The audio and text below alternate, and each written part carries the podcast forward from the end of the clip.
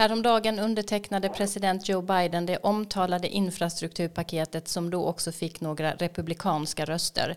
Nu fortsätter kampen i kongressen om hans omfattande initiativ Build Back Better, en process som väntas bli besvärlig. Men vad beror det på att det är så svårt att få igenom politiska satsningar i USA? I dagens Amerikanalyspodd gräver vi på djupet kring hur lagstiftningen går till. Vi blickar även framåt, vad kan vi vänta oss av Biden-administrationens andra år vid makten? Och som alltid veckans Biden och bortglömda nyheter. Varmt välkomna att lyssna. I have a dream. One day this nation will rise up, live out the true meaning of its creed. This is a place where you can make it if you try. This is a country where anything is possible, no matter who you are. Together we represent the most extraordinary nation in all of history. We're always looking ahead, ahead to an America that's freer and more just, ahead of America that never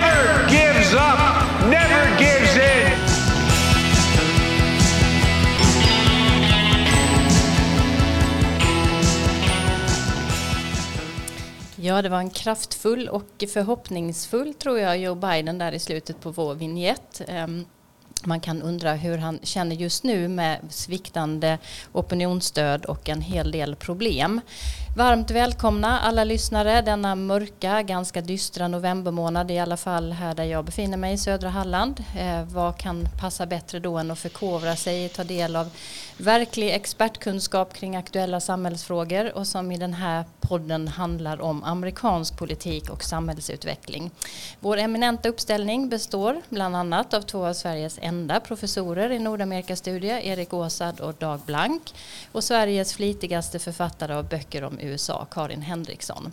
Hur har ni det i novembermörkret? Ska vi börja med er, eh, Erik och Dag?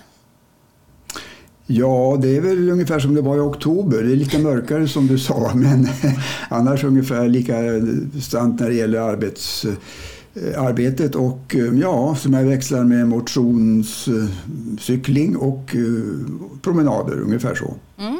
Ni har det till och med ännu lite mörkare tror jag än vad jag har här i södra Halland. Hur är det med dig Dag? Tycker du om mörkret eller eh, tycker du att det är jobbigt? Ja, jag föredrar när det är lite ljusare men det går bra. Mm. Vad gör du för att... Ja, jag eh, handleder studenter, rättar tentor och planerar för ett amerikanskt besök från mitt amerikanska college som ska komma till Uppsala. En delegation på 15 personer. Oj, det låter i alla fall som någonting att se fram emot. Karin, hur är det i Washington vid denna tiden på året? Här är det strålande höstväder med glödande färger och eh, det ska bli 20 grader idag. Så att eh, vi får nu försöka lämna skrivbordet ett tag och ge mig ut lite. Mm, det är någonting helt annat. Eh, ja, jag tycker det är eh, lite skönt också faktiskt med mörkret och när man som jag har en stor trädgård faktiskt kan pausa lite och verkligen ägna fritiden åt till exempel att eh, läsa de där böckerna som har hamnat på hög. Nåväl, eh, i veckan har president Biden haft ett långt möte med Kinas högste ledare Xi Jinping. Följde ni rapporteringen från det här mötet och vad i så fall drar ni för slutsatser, Karin? Ja, alltså om man blickar tillbaka lite först så var det ju ganska länge förhoppningar i USA om att eh, mer utbyte och fler kontakter skulle bidra till en demokratisering av Kina. Och numera är det väl någon slags eh, allmän uppfattning att det där var naivt. Och eh, även när det gäller då det ekonomiska beroendet av Kina som var och är väldigt stort så slutade ju det med någon slags backlash under Donald Trump med handelskrig och väldigt aggressivt tonfall och eh, faktiskt sämre relationer får man nog lov att säga.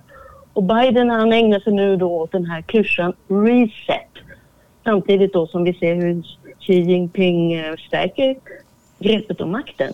Mm. Var det något särskilt som du ändå reagerade på under deras möte eller det vi har sett ifrån mötet? Ja, man får väl säga att det var någon slags eh, dans dem emellan. Att de på något sätt la, la liksom grunden för den fortsatta relationen. Och eh, de sa ju också att det skulle bli samtal i alla fall om på, på vissa områden. Och det har ju också varit kontakter då på lägre nivå mellan ministrar i, i bägge länderna. Så att det, det går väl i alla fall på något sätt framåt. Mm. Erik, såg du det? Jag följde med här, ja. Och eh, jag tycker ju för det första då att det är väldigt bra att de här stormaktsledarna talar med varandra och försöker komma överens på de områden där de ändå har gemensamma intressen. Och, eh, två sådana viktiga områden är ju idag eh, pandemin naturligtvis och även klimatet. De kom ju faktiskt överens i, i Glasgow under slutförhandlingarna där om att ha en gemensam strategi, någorlunda i alla fall, eh, när det gäller klimatfrågan. Och det tycker jag man måste se som en framgång. Men samtidigt så står det ju klart att de står längre ifrån varandra i, i, en, för Biden och Demokraterna i Washington, en mycket viktig fråga, nämligen demokratifrågan. Och, eh, det var ju intressant innan det här mötet kom till stånd, innan de satte sig mitt mot varandra vid sina respektive skärmar där Eh, att Biden gick ut så pass hårt som han gjorde i försvaret just av eh, Taiwans territoriella integritet och säkerhet eh, på ett sätt han sa att om man skulle försvara Taiwan om de blev angripna faktiskt. Och det ju, fick de ta tillbaka lite grann sen eh, när UD skulle, la ut någon slags eh, förmildrande omskrivning av det. Men eh, just demokratifrågan har ju lyfts på ett annat sätt under Biden-administrationen än vad som var fallet under Trump. Och det gäller ju inte minst då relationen till Kina. Mm. Dag? Ja, jag kommer att fundera lite grann på kinesiska amerikanska relationer vad gäller universitet och studentflöden. Det är ju en enormt viktigt flöde för amerikanska universitet om alla de kinesiska studenterna som har kommit till USA under de senaste årtiondena nästan nu. Och nu finns det ju vissa tendenser som pekar på att de kanske inte kommer lika mycket som tidigare och att Kina bygger upp egna universitet och den konsekvens som det kan få för amerikanska universitet om man tappar den där gruppen. Inte, inte bara ekonomiskt för de betalar eh, studieavgifter men även för det sätt som de amerikanska universiteten kan vidareutvecklas på. Det är liksom en annan dimension av de kinesiska amerikanska relationerna. Mm. Och de betonade ju båda eh, väldigt tydligt att eh, det finns konflikter emellan dem men att de måste ha den här dialogen för att eh, se till så att inte det blir några värre typer av konfrontationer. Eh, du nämnde ju det här med eh, demokratin som en viktig sak för Biden-administrationen, Erik, och vi har precis hört idag att han nu har kallat till möte till det här stora sammanhanget där han ska ha, om det var ehm, hur många demokratier det var i världen som är kallade kommer jag inte ihåg men det är ett stort antal länder för att eh, ha igång ett samtal om just eh, hoten som finns emot demokratin och det är ju verkligen i ett läge, eller hur Erik, där demokratin på olika sätt är väldigt ansträngd och hotad i USA självt. Ja, verkligen. Eh, det, det, har ju visat sig under det sista året bara att, att det är så. Men sen har ju också demokratin gått ner, alltså de demokratiska institutionerna, valen, eh, mer auktoritära tendenser och sådant har vi ju sett, sett runt om i världen, till och med i vår egen, vår egen världsdel. Så att det är ju ett väldigt aktuellt tema det där. Men jag tror det var ungefär hund, ett hundratal länder som hade anmält sig och skulle vara med på den här videokonferensen som, som annonserades för en tid sedan. Och um, Sverige då skulle vara en av dem som skulle vara föredragande, fattar jag det. Mm. Och, och, det är ju hedersamt, för som sagt det är, en, det är ju en kolossalt viktig fråga att hålla kon på, inte minst när det gäller utvecklingen i USA självt. Men det kanske vi kommer tillbaka till det ämnet, eller vad säger du Frida? Det lär vi göra, men det är faktiskt så precis som du säger att det är många demokratier som rör sig i fel riktning och autokratiserats enligt de stora demokratiinstituten och faktum är ju att USA självt rödlistades redan förra året i Videms stora undersökningar om tillståndet för världens demokratier. Ehm, så att det finns ju många skäl att just återkomma till den frågan. Ehm, om jag, om jag, kan, om jag kan passa in någonting där så finns det en väldigt intressant artikel i senaste numret av Atlantic av Anne Applebaum på exakt detta tema. Mm. Jättebra för det tipset. Hon har ju också skrivit om det innan faktiskt eh, och varnat för eh, de utvecklingstrender som vi ser både i Europa och eh, USA. Vad har det mer pratats om den senaste tiden som ni kanske vill säga någonting om?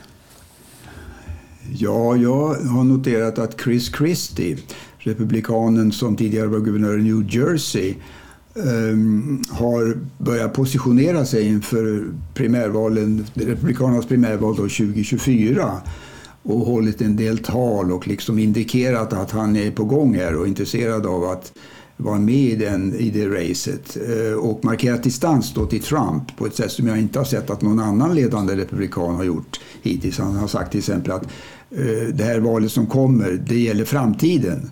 Vi kan inte hålla på och, och och eh, prata hela tiden om valet 2020 eh, som naturligtvis Trump vill göra då. Så att det ska bli väldigt intressant att se han, hur, han, hur det här utvecklas. Han, han är ju en väldigt tung politiker i, i, i, flera avseenden.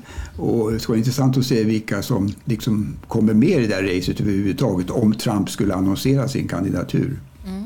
Du Karin, du är ju i Washington nu och det är en helt annan sak att vara i USA på plats. Eh, vad är det som talas om där? Vad är det som händer som vi kanske inte ser så mycket av här i Sverige? Ja, jag vet inte om ni ser så mycket av just det i Sverige. Det kanske återges här och där. Men det är två mycket uppmärksammade rättegångar som hårdbevakas här. Med direktsändningar från rättssalen. Den ena är i Wisconsin och den andra är i Georgia. Och eh, i båda fallen så handlar det om rätten till självförsvar och indirekt om vapeninnehav.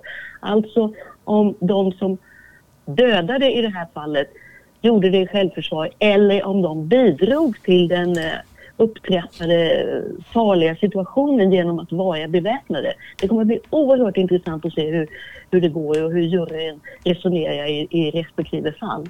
Mm. Dag, finns det någonting som du har följt den senaste tiden?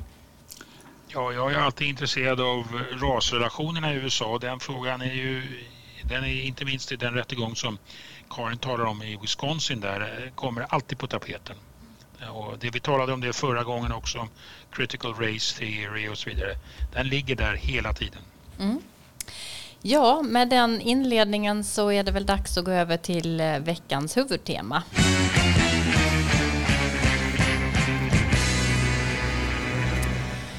I veckans Amerikaanalyspodd så ska vi ägna oss åt något väldigt nördigt och inte minst detaljrikt eh, och en omständig process, nämligen vägen från lagförslag till en färdig lag som får presidentens underskrift. En process som är mer komplicerad i USA än i många andra länder. Ska vi börja med Karin att du vägleder oss genom detaljerna här lite granna? Okej, okay, eh, då säger jag först håll i hatten. Mm. För det börjar naturligtvis med att en, en senator eller en kongressledamot eh, vill åstadkomma någonting. En förändring, kanske det de gick till val på. Och han eller hon lägger då fram ett förslag och det kallas i det läget för bill i senaten eller representanthuset. Och ibland så är det då en, en ledamot ur varje kammare som står bakom. Och då har de ju lite större tyngd naturligtvis. Och sen så är det då ordföranden i respektive kammare som uppdrar åt ett, det lämpligaste utskottet, committee, och de är många både i senaten och representanthuset och, och ska de granska förslaget. Och om då utskottsmedlemmarna gillar det här, då kan de bestämma sig för att hålla offentliga förhör, hearings, eventuellt kombinera med andra förslag eller utöka det med så kallade amendments. Och därefter så beslutar man om man ska ta upp det till behandling på, på golvet i respektive kammare eller bordläggas till vidare, tills vidare. Och det sistnämnda är naturligtvis mycket vanligt. Helt enkelt därför att de är 535 ledamöter i senaten i representanthuset och alla har naturligtvis idéer om vad de vill lagstifta om. Men det är inte alltid de kan få då sponsorer, alltså det vill säga stöd då från eh, andra ledamöter eller det vill säga i förlängningen tillräckligt många röster. Men om då utskottet bestämmer att det faktiskt ska tas upp, då inleds en debatt och ibland eh, möjlighet att lägga till fler amendments, alltså tillägg, innan man röstar. Normalt först i representanthuset och sen i senaten. Mm. En intressant aspekt att lägga till här är ju kanske också att det är utskottens ordförande då som avgör om en lag ska läggas fram för debatt, alltså skickas fram. Och att ordförandena för utskotten kommer från det parti som har majoritet i senaten eller representanthuset. Och ordförandena där bestämmer också vilka som ska kallas som vittnen till de här hearings som vi ju faktiskt ganska ofta ser eh, lite utdrag från också här i svensk media. Eh, och så den rollen att vara ordförande i de här utskotten som du nämner eh, innebär ju en väldigt stor makt. Absolut, och, och detsamma gäller även staberna i utskotten. Eh, uh, för, för ledamoten själv kanske inte kan hela bakgrunden eller har alla fakta på bordet eller eh, har tid helt enkelt att jobba med detaljerna. Utan de förlitar sig då på tjänstemän och jurister som skriver texterna och de kan vara flera hundra sidor. Ofta är det mycket komplicerat material som till exempel då sjukvården eller nu det här infrastrukturpaketet jättemycket pengar, jättemånga detaljer, ska samordnas med delstatslagar och så vidare. Så det är, det är ett enormt arbete. Mm. Jag vill passa på att påminna här om förra, förra veckans, eller för två veckor sedan, det förra avsnittet vi spelade in där vi pratade om lobbygrupper, olika intressegruppers inflytande i amerikansk politik. Och att eh, när vi diskuterade det så var det bland annat just den här processen som vi menade att de har idag ett väldigt stort inflytande, bland annat för att det är komplicerat, det är väldigt många ärenden, det är en, en, en lång process och väldigt också mycket att beakta. Och där har ju då de ofta som experter också väldigt stort inflytande över den här processen, hur den fortlöper eller vilka förslag som sen kommer igenom. Eh, men om då förslaget klubbas, eh, måste de bägge kamrarnas texter jämkas ihop, eller hur? Visst är det så? Ja, precis. De måste låta exakt likadant. Till och med punkter och komman måste vara de samma. Och eh, när då de bägge husen då så att säga, eller kamrarna, ska enas eller jämka ihop sig, den processen kallas för conference och det är då inte alltid man är överens utan det där kan ta lång tid det också. Och då beror det kanske lite på vem som är starkast i, i gruppen eller hur angeläget förslaget är och så vidare. Men om det sedan klubbas efter omröstning då naturligtvis, då går det vidare till presidenten för underskrift och han, eller kanske i någon framtid hon, har då 60 dagar på sig att inlägga veto men kongressen kan överrösta detta veto med två tredjedels majoritet i vardera kammaren. Och om det nu blir, om det nu klubbas, så kallas lagen en act. Alltså från bill till act, det är det vi har talat om. Mm, en inte alls oviktig detalj. Erik, vill du lägga till något? Ja, jag kan lägga till något om vilken roll som eh, de här ordningsmännen i kongressen spelar. Alltså ledamöterna i ett av utskotten eh, eh, som heter The Rules Committee, regelkommittén eller regelutskottet eh, och i huset då. Och sen finns det någon som heter The House and the Senate Parliamentarian. Vi kommer tillbaka till det. Men när det gäller det här regelutskottet så tolkar det utskottet gällande regler. De avgör också vilka förslag och vilka tillägg, amendment, som Karin talade om, som ska läggas fram. Eh, och eh, länge var det så att det här, eh, den här, det här utskottet det dominerades av konservativa sydstatsdemokrater som stoppade alla medborgarrättslagar länge och väl. Och det var först 1975 som det här systemet ändrades lite grann och då röstade Demokraterna igenom att talmannen skulle ges rätt att utse ledamöter till den här kommittén. Och det har gjort att den här Rules Committee har fått en mindre oberoende roll och istället så är det då majoriteten i huset som eh, får sin vilja igenom ofta genom The Rules Committee, vilka regler som ska gälla då.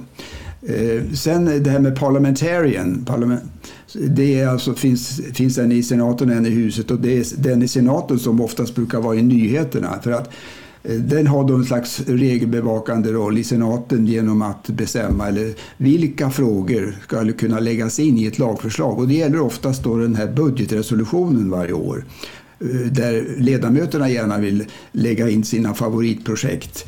Eh, men det, ibland så säger då eh, the Senate Parliamentarian nej, det här kan vi inte ta med för att det tillhör ingenting som, som har att göra med budgeten. Eh, och, ehm, det, så att den personen har, fått, har numera en väldigt viktig, viktig roll och utses normalt av majoritetsledaren i senaten. Den nuvarande Senate Parliamentarian heter Elizabeth McDonough och faktiskt förekommit i nyheterna här eh, sista eh, året ungefär. Eh, Frida, du nämnde utskottsordförandenas makt och det är verkligen något man kan betona. Ett bra, och ett bra exempel på det, det är när makarna Clinton skulle genomföra sin stora sjukvårdsreform 1993. Eh, Hillary Care som den kallades. Det var ju en enorm stor reform. eh, så ville de just smyga in den i den här stora budgetpropositionen för då krävdes det bara 51 röster. Då hade de gått igenom. Men då stötte de på en utskottsordförande, en partikamrat faktiskt, som heter Robert Byrd gammal senator ärad från West Virginia. Han sa absolut inte därför att det går emot reglerna. Vi måste ha en separat lag om just den här Hillary Care, sjukvårdsreformen. Den var så stor och viktig tyckte han. Så att han sa nej. Och därmed så det bidrog det faktiskt till att den där reformen havererade. Det blev ingenting av den. Eh, men när sen Obama försökte sig på med sin sjukvårdsreform då, eh, 2009-2010 så tog man in den just i den här Reconciliation Bill. Så han fick igenom den med enkel majoritet eller med, med 51 röster. Eller, eh, så att den gick igenom på det sättet. Och här kan man säga att det skulle vara en väldigt... Om jag vore fortfarande universitetslärare så skulle jag ge en duktig student ett ämne där. Att titta på de här två sjukvårdsreformerna, Clintons reform visavi Obamas och se varför gick den ena igenom och varför gick inte den andra igenom. Och då tror jag att i, i Clinton-fallet så är faktiskt en viktig förklaring just en utskottsordförandes makt över lagstiftningen. Eh, vad tror du om det ämnet Dag? Utmärkt ämne. Mm. Det är bara att passa vidare till eh, studenter eller be dem givetvis lyssna på det här poddavsnittet så att de får del av Eriks tankar här.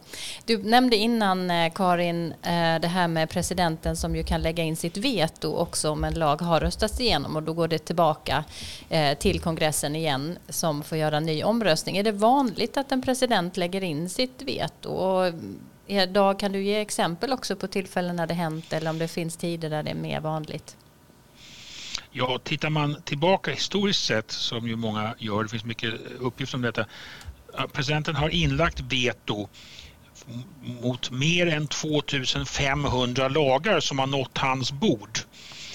Det är ju av alla lagar som har stiftats så är inte det en jättestor andel. Eh, så har han inlagt veto. Man kan notera att veto återfinns inte i konstitutionen men, men vi använder det för det, det är ju vad det betyder.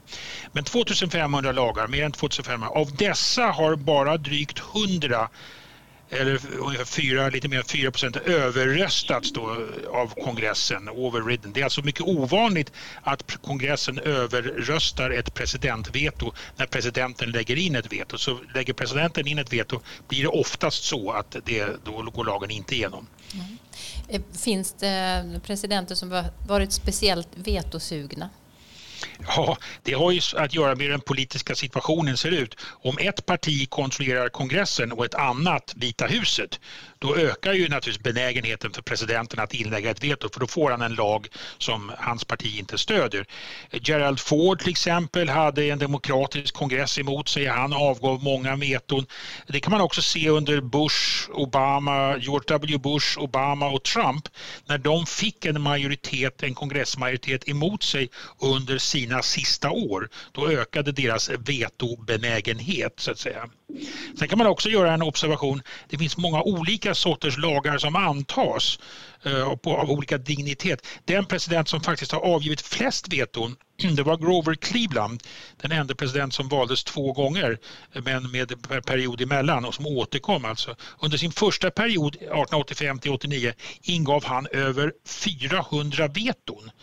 Det var väldigt många. Men här gällde många veton lagar som handlade om pensioner till individuella krigsveteraner. Att man skulle se till att en, en viss person skulle få en pension som hade tjänstgjort i inbördeskriget. Det var en enskild lag och det tyckte inte han om och därför så inlade han veto mot det. Så det är inte riktigt jämförbart med veton som avges idag. Eh, Trump, eh, Biden har ännu inte inlagt något veto. Ibland eh, får ju lagarna fyndiga namn, ibland är det mer bara en beskrivning av lagen. Vad heter infrastrukturpaketet, Karin? Ja, det kallades för BIF, Bipartisan Infrastructure Framework. Men formellt så heter lagen Infrastructure Investment and Jobs Act. Det ska ju låta positivt, man vill ju trycka på att det kommer skapa många jobb. Och vi kan ju minnas det som oftast kallas för Obamacare, alltså president Obamas sjukförsäkringsreform. Den heter officiellt The Affordable Care Act. Och det är ju lite positivt att det är någonting man har råd med. Va? Mm.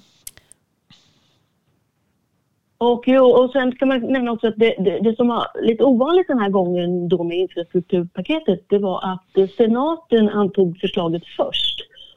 Och där var det ju då 19 republikaner, däribland minoritetsledaren eh, Mitch McConnell, som eh, röstade för. Och sen så kom ju då den här utdragna eh, debatten internt i det demokratiska partiet mellan de olika falangerna. Och först när den var klar så röstade man ja där till förslaget och där fick man också några republikanska röster och det var ju det som Joe Biden skrev under sen.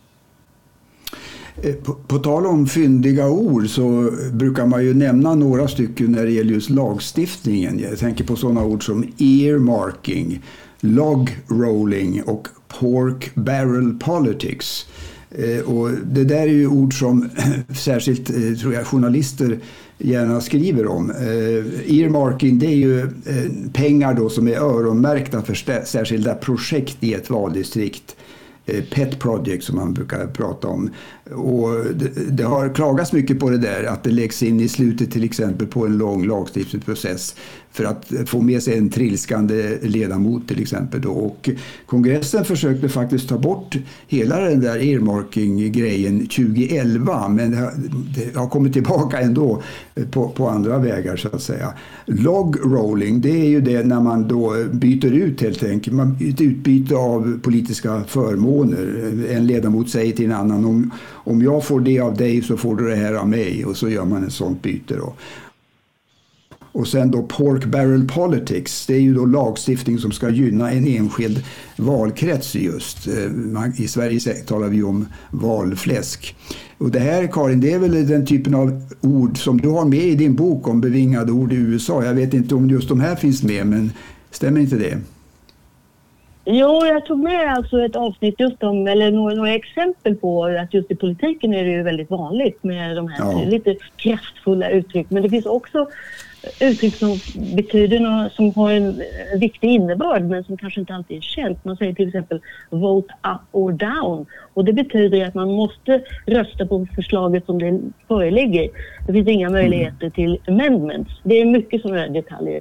Och det, det, det, det, betyder också att den som behärskar de här detaljerna, som Erik, du nämnde ju Robert Byrd, de har i sig då stor makt för de kan ju då ja. spela mot varandra. Det är väldigt viktigt. Det är liksom föreningsteknik på superhög nivå.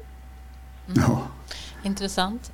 Antalet nya lagar är ju på sätt och vis en mätning också av hur mycket kongressen som sitter i två år faktiskt eh, åstadkommer.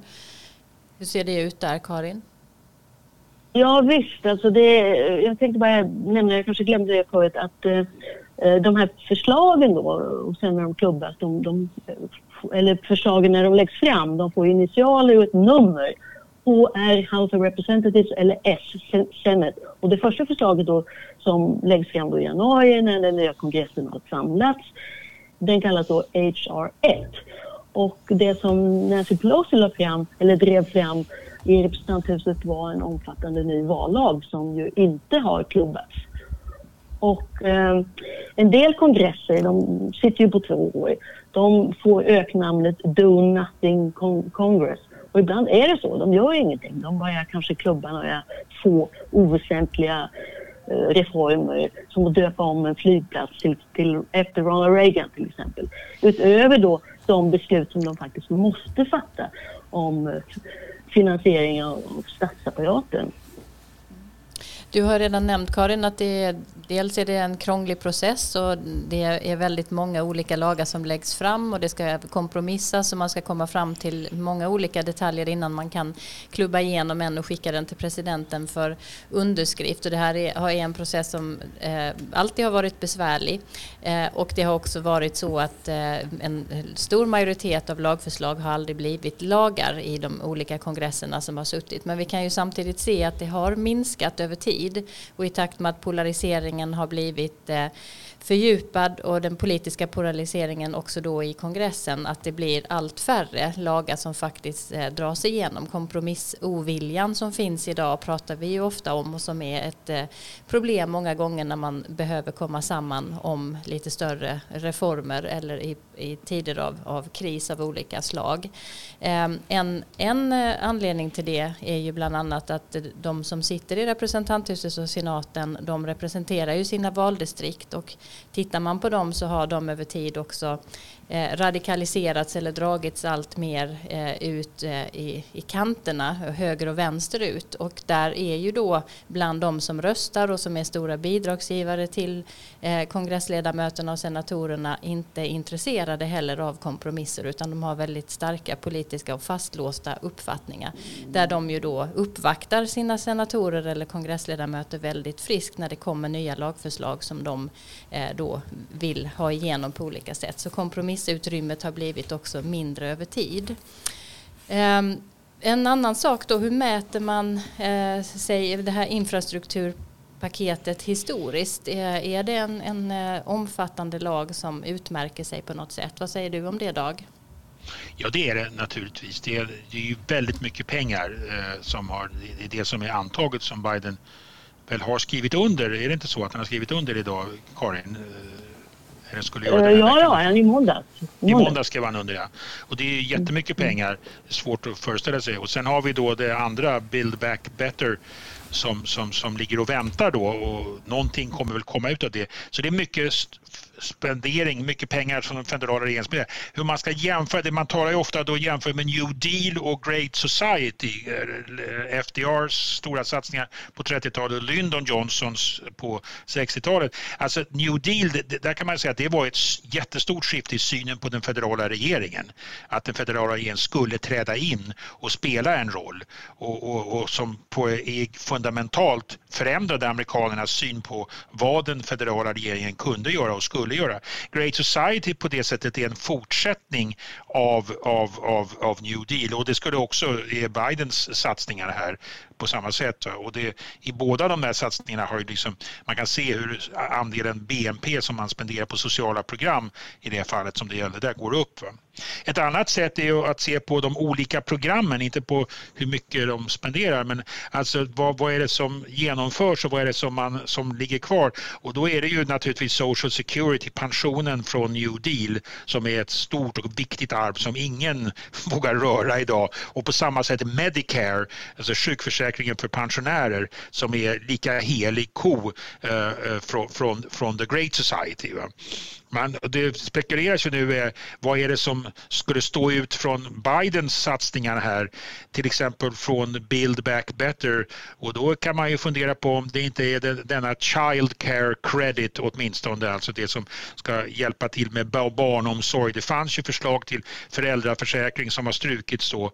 Eh, man, eh, länge har ju de här sociala programmen, både i social, eh, från eh, New Deal och Great Society, fokuserat på de äldre och på pensioner och sjukvård för de äldre. Nu kanske man kan säga att vi har kommit till ett nytt läge att nu betonas det tydligare de yngre barnen, barnomsorg, förskola som vi också är med i de här eh, förslagen. Alltså. alltså. Det, det kan vara en förändring och en, kanske en, en, en viktig förändring skulle jag vilja säga. Efter det här infrastrukturpaketet som tog eh, flera månader nu att, att faktiskt få igenom är det alltså dags för det här som ni har nämnt flera gånger nu, Build Back Better, Build Back Better, eh, BBB som det ju då förkortas. Men hur ser det ut där? Kommer Biden att få igenom det här sociala infrastrukturpaketet, Karin? Ah, jag är tveksam. Det är möjligt att det blir någonting. Att, eh, det måste det väl nästan bli. Och eh, Nancy Pelosi, då, talmannen, är ju en oerhört skicklig eh, inpiskare eh, tillsammans med sina kollegor som då mer formellt har den titeln. Det är en sån här roll de har som spelar stor roll i, i amerikanska lagstiftningssammanhang. Men eh, motståndet växer från många håll. Alltså, och det handlar då i första hand om kostnaderna men också om det här som Dag är inne på, att det kanske inte finns någon vilja att utöka statens makt på det här sättet. Och eh, sen kan man nämna också att det är ju nya kongressledamöter som profilerar sig på ett annat sätt än att jobba med lagstiftningen. De vill hellre vara med i Fox News och mm. republikaner då som Marjorie Taylor Greene och eh, som då brännmärker det här förslaget som eh, kommunistiskt maktövertagande. Så vi har inte sett slutet än skulle jag säga. Nej. Vad säger du Erik om det här? Ja, jag instämmer mycket i vad som sades här. Det här välfärdspaketet av Build Back Better, det kan, tror jag, möjligen gå igenom i huset. De verkar ha kommit en bit på vägen där. Men eh, de här moderata demokraterna i huset som har försökt hindra eller sakta ner reformen. De inväntar ju nu en kostnadsberäkning av all, hela det här paketet ska kosta ifrån The Congressional Budget Office. Och det är en beräkning som ska komma då i morgon, fredag eh, är det sagt. Så då får vi se hur de ställer sig. Däremot så tror jag att det blir betydligt svårare att få igenom det här paketet i senaten som ju alltid är lite trögare och lite mer konservativt. Eh, och båda husen som vi har sagt måste ju anta identiskt lika lagar här. Och om Demokraterna i senaten nu mot förmodan ändå skulle anta en, en version utav den här Build Back Better eh, så är det inte alls säkert att eh, man kommer överens sen i den här gruppen som ska försöka nå enighet att Vänsterdemokraterna i huset att de röstar för den kompromissen. Eh, om till exempel för dem viktiga delar har tagits bort ur lagförslaget. Kom ihåg här att sex vänsterdemokrater i huset röstade faktiskt emot infrastrukturplanen eh, trots att det var en så stor reform va, som vi tidigare sa. Eh, och däribland var ju då till exempel stjärnskottet här, Alexandria Ocasio-Cortez från New York. Eh, och, och jag, jag, tror att det, det, står mycket på spel här nu för, för Biden att eh, få igenom det här före jul helst. För att eh, går man in i 2022, ja då har vi ett valår som, som har börjat och eh, eh då kommer inte Demokraterna få igenom särskilt mycket tror jag. Eh, och en sak att ha i minnet här det är ju att eh, det inte bara tar lång tid att klubba igenom ett lagförslag. Eh, det kan ta månader som vi har sagt utan också att det kan ta mycket lång tid innan en stor reform får effekter i samhället. Eh, Obamacare som antogs 2010 men som vi kommer ihåg kanske så var det mycket impopulärt i, i början när det hade kommit, eh, trumfats igenom i, i kongressen. Och det berodde ju mycket på strulet med lanseringen av reformen och inte minst då att republikanerna var så oerhört eh, emot det där förslaget. Eh, men på senare år så har ju opinionen svängt. Nu är det fler som tycker om eller tycker det finns bra delar i det här i Obamacare än som tycker det eh, eh, är dåligt.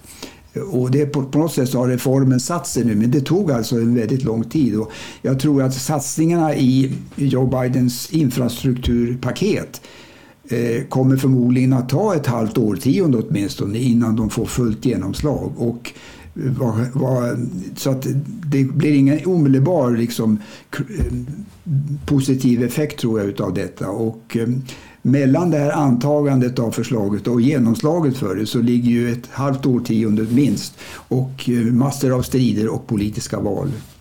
Ja, och sen har vi ju då det här läget som vi också har nämnt tidigare att det nu i kölvattnet av pandemin är stora svårigheter när det gäller att komma åt eh, olika typer av transporter och material och annat som behöver användas, inte minst för den, många av de här delarna som finns i uppbyggnaden av infrastruktur. Så det förhalas också av, av den anledningen. Ehm, om vi tittar lite mer på eh, Joe Biden då och Demokraternas ställning just nu. Eh, opinionsmätningarna, det har vi fått höra också här i Sverige, ser väldigt låga ut. Eh, han ligger väldigt illa till just nu. Vad kan man säga om det, Karin? Ja, man får väl säga som Joe Biden sa själv häromdagen att popularitetssiffrorna går upp och ner. Och man kan ta en, om man bara tar en president på måfå, Harry Truman, han, han tillträdde eh, efter Franklin Roosevelts död 1945. Då hade han, var det över 80 procent som gillade honom eller tyckte att eh, det var bra att han var president. Men före valet 1952 var han nere på drygt 30 procent. Och han bestämde sig då för att inte ställa upp till omval och den demokratiska kandidaten som nominerades, Adlai Stevenson, förlorade mot Dwight Eisenhower. Och sen har vi far och son Bush. De fick båda känna på den här eh, berg och dalbanan. och George den äldre. George Bush den äldre blev inte omvald trots att han hade haft skyhöga siffror efter Kuwaitkriget. Men som sagt, åter till Joe Biden. Hans siffror har verkligen sjunkit. De ligger på 41,9 procent i genomsnitt. Det här genomsnittet som Real Clear Politics sammanställer som vi ofta hänvisar till. Och detsamma gäller ju eh, eh vicepresidenten Kamala Harris med som har nu varit i, förekommit i rubrikerna de senaste dagarna. Man har en känsla av att det pågår lite skyttegravskrig mellan henne och eh, Vita huset. Mm. Alltså Vita huset, det vill säga Joe Biden. Jag menar Joe Biden är hans stab och hennes stab. Mm. Um. Jag vet inte om vi har någon, någon, eh, någon som helst känsla för vad det, vad det kan bero på. Men vad säger ni andra om det här med, med Bidens låga eh, opinionssiffror just nu? Ja, de är ju alarmerande för partiet eh, med tanke på mellanårsvalet. Man brukar ha en, eh, en god värdemätare för hur partierna står mot varandra eh, opinionsmässigt. Det är ju att titta på just var, presidentens opinionssiffror ligger någonstans. Och ligger sittande presidentparti eller presidentens eh, siffror under 48 procent i uppskattning då förlorar eh, hans parti i genomsnitt 15-20 platser. Det är liksom en, nästan en naturlag i, i politiken. En annan reflektion man kan göra det är ju att eh, 42 procent i uppskattning det är ändå högre faktiskt än vad någon svensk partiledare idag har. Om man jämför med Sifo och Demoskop på de här nationella mätningarna som vi har. Så att i, i ett jämförande perspektiv är det ju kanske inte så katastrofalt ändå. Men inför det här som vi pratat om mellanårsvalet nu som kommer nästa år så är ju de här siffrorna givetvis alarmerande. Men det, jag läste också någonstans idag med risk för nu att inte kunna återge allt som stod i detta. Någon artikel som visade på att eh, siffrorna för vilket parti som väljarna skulle välja idag eller hade störst förtroende i olika frågor var också alarmerande för Demokraterna. Det hade, eh, fanns ett betydligt större eh, förtroende för Republikanerna och eh, på ett sätt som vad jag förstod inte hade hade varit så stort eh, glapp mellan partierna till Republikanernas fördel sedan mätningarna började någon gång på 80-talet. Så att det kommer många sådana här alarmerande siffror just för Demokraterna nu. Vad säger du eh, Dag? Vad tänker du om de här låga siffrorna för Biden? Ja, om man vill läsa ännu mer doom and gloom förutsägelse kan man läsa den väldigt intressanta Tom Edsel som hans kolumn i New York Times häromdagen som är eh, bad news for the Democrats all over. Eh, det är ju heller ingen brist som ni redan har varit inne lite grann på problem för Biden nu när andra året snart börjar. Det har hopat sig olika saker av, på, av olika skäl kan man ju också säga. Vi befinner oss fortfarande faktiskt i, i en, en, pandemi som inte ser ut heller att eh, ha ett slut i sikte. Men vad är de största problemen han har framöver att eh, be, försöka bemästra? Karin, vad säger du om det? Ja, jag säger ett ord. Inflationen. Det är ju någonting som alla förstår. Det är en här populistisk eh, historia och alla vet att bensinen nu kostar mycket mer, att maten blir dyrare och eh, det pågår en, en väldigt intensiv debatt huruvida det här är tillfälligt och det beror på pandemin, det beror på de här flaskhalsproblemen i leverantörskedjorna eller om det är ett bestående. Och, eh, för det har ju ändå varit väldigt många år med väldigt låg inflation. Och eh, Biden har nog inte riktigt lyckats hantera det här. Och ehm, det är väldigt tacksamt eh, för Republikanerna att hacka på honom för detta. Och det faktum då att det här är inte något unikt för USA utan det är samma situation i de flesta länder att eh, inflationen är rekordhög och eh, energipriserna skenar. Det har liksom amerikanerna inte så stort intresse av. Men vi i Sverige, i Sverige är det ju samma sak. Så att, eh, jag tror att det är det stora problemet. Men jag ska också nämna Kina igen. För att för ovanlighetens skull så är då amerikanska militär, höga militärer ute och varnar.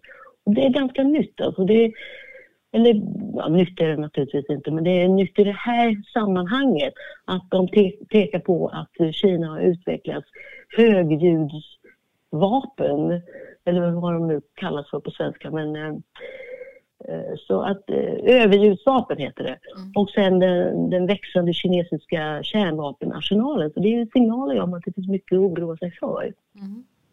Eh, Dag, vad säger du? Ja, ekonomin, precis som Karin säger.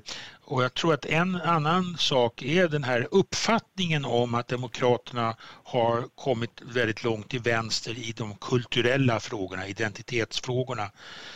Huruvida de har gjort det är kanske en annan sak men det har blivit en stark sådan uppfattning. Alltså det här som handlar om eh, badrum och toaletter och transgender och sådana saker.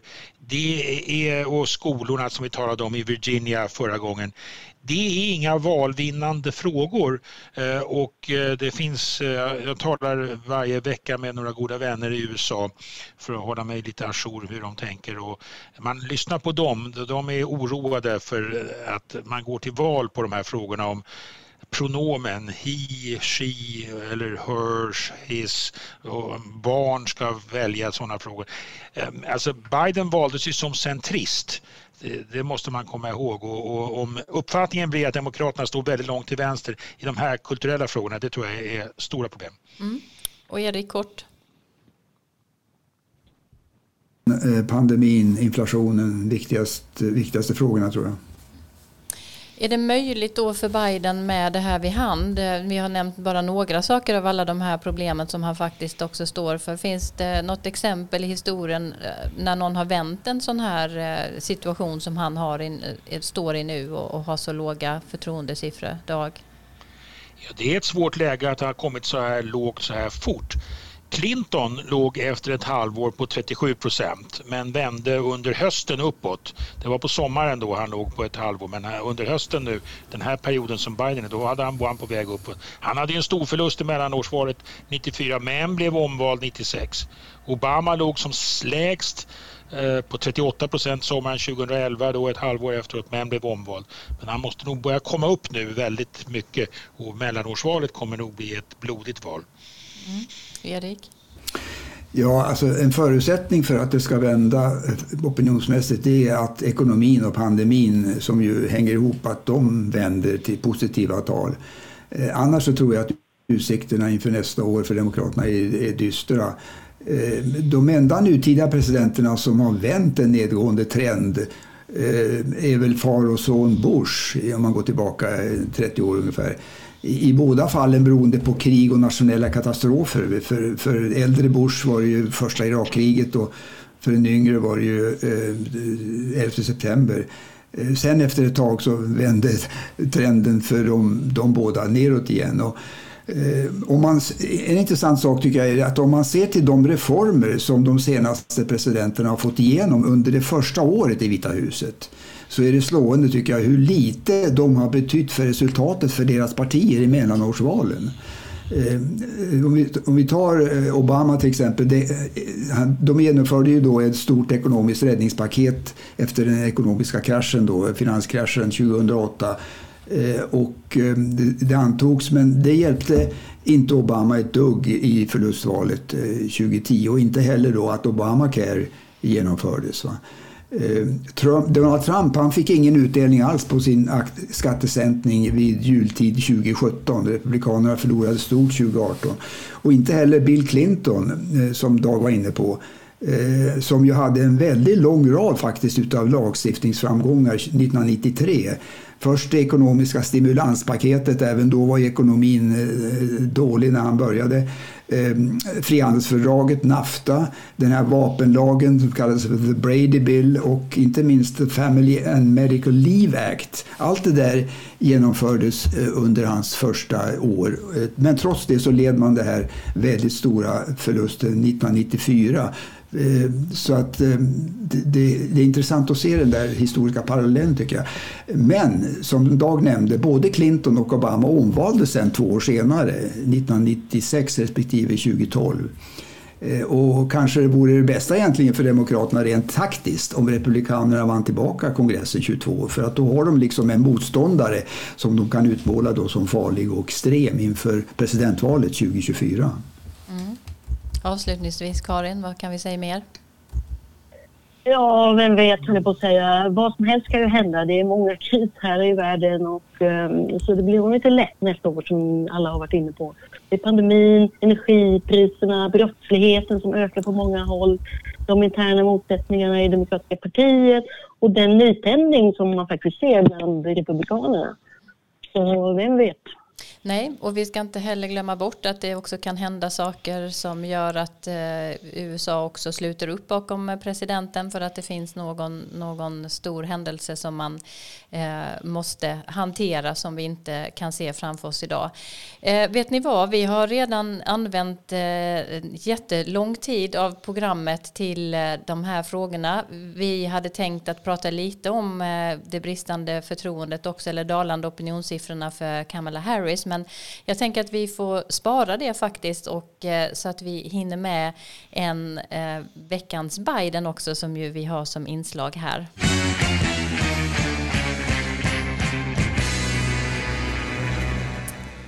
Ja, Joe Biden är ju ute på säljturné nu får man säga för att göra PR för det här infrastrukturpaketet som vi precis har ägnat en hel del tid åt och försöka övertyga allmänheten om att de ska tala om för sina kongressledamöter att de måste rösta för Build Back Better. Igår var han i Michigan och i förrgår i New Hampshire. Där stod han på en gammal rostig bro och då sa han bland annat detta. Folks, it's not hyperbole to say that your delegation is laser focused on your needs, the people of New Hampshire, the concerns that are discussed around our kitchen tables. This isn't esoteric. This isn't some gigantic bill, it is, but it's about what happens to ordinary people. Conversations around those kitchen tables that are both profound as they are ordinary. How do I cross a bridge in a snowstorm? What happened? No, I, I, think about it. You know, you're in a situation. What happens if the bridge collapses and there's a fire on the other side? It's going to take 10 miles longer to get to the fire. People can die. I mean, this is real. This is real stuff. What does it mean if a school bus or water treatment trucks or, or, or, or logging trucks can't cross? It means jobs, it means, it means time, it means energy. More broadly, how do we emerge from this pandemic, not just with a little breathing room, but a real fighting chance to get ahead? There are the things that take place at the kitchen tables where I grew up and where all of you, where everybody's living. And Maggie, Jean, Annie, Chris, uh, and me, uh, we, we all ran for office to help answer those questions. The questions at the kitchen table. Ja, Karin, det är du som har tagit fram det här klippet som vanligt. Var, varför har du valt det här?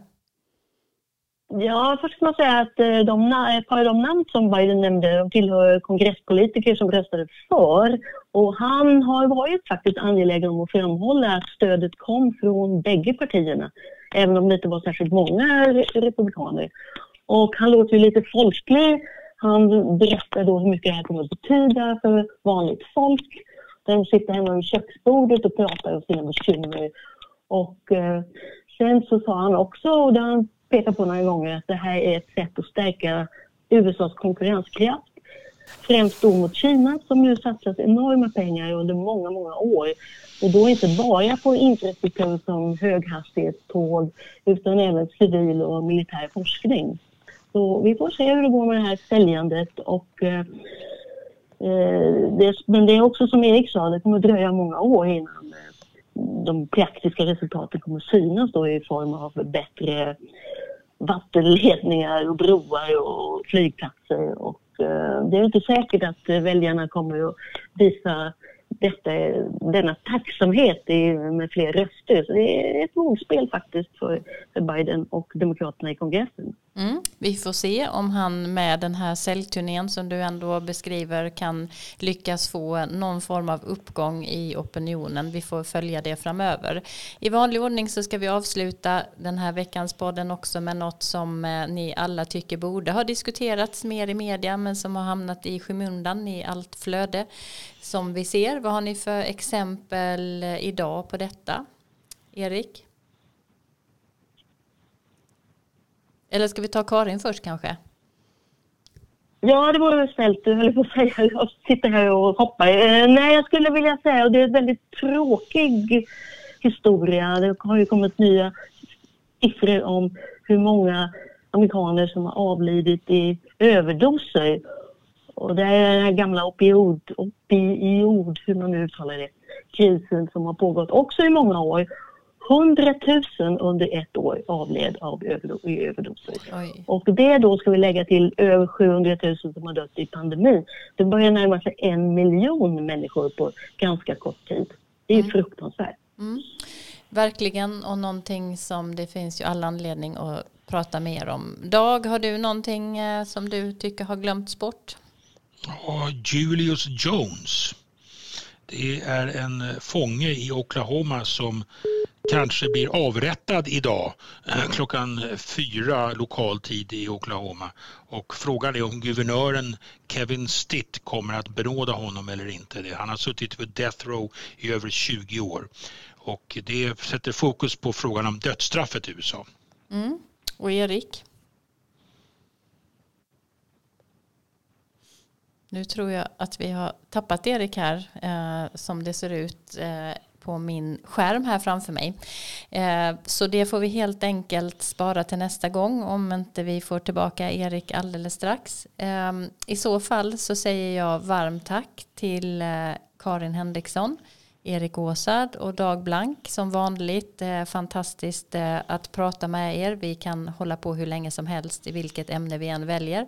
Tack Johan Lindström också för ljudillustrationer och till alla er lyssnare som uppskattar våra fördjupningar om politik och samhällsutveckling i USA. Vi hörs igen om ni vill om två veckor och tills dess tänd några ljus, unna er en god bok och var rädda om er och varandra. I have a dream one day this nation will rise up live out the true meaning of its creed. This is a place where you can make it if you try. This is a country where anything is possible, no matter who you are. Together we represent the most extraordinary nation in all of history. We're always looking ahead, ahead to an America that's freer and more just, ahead of an America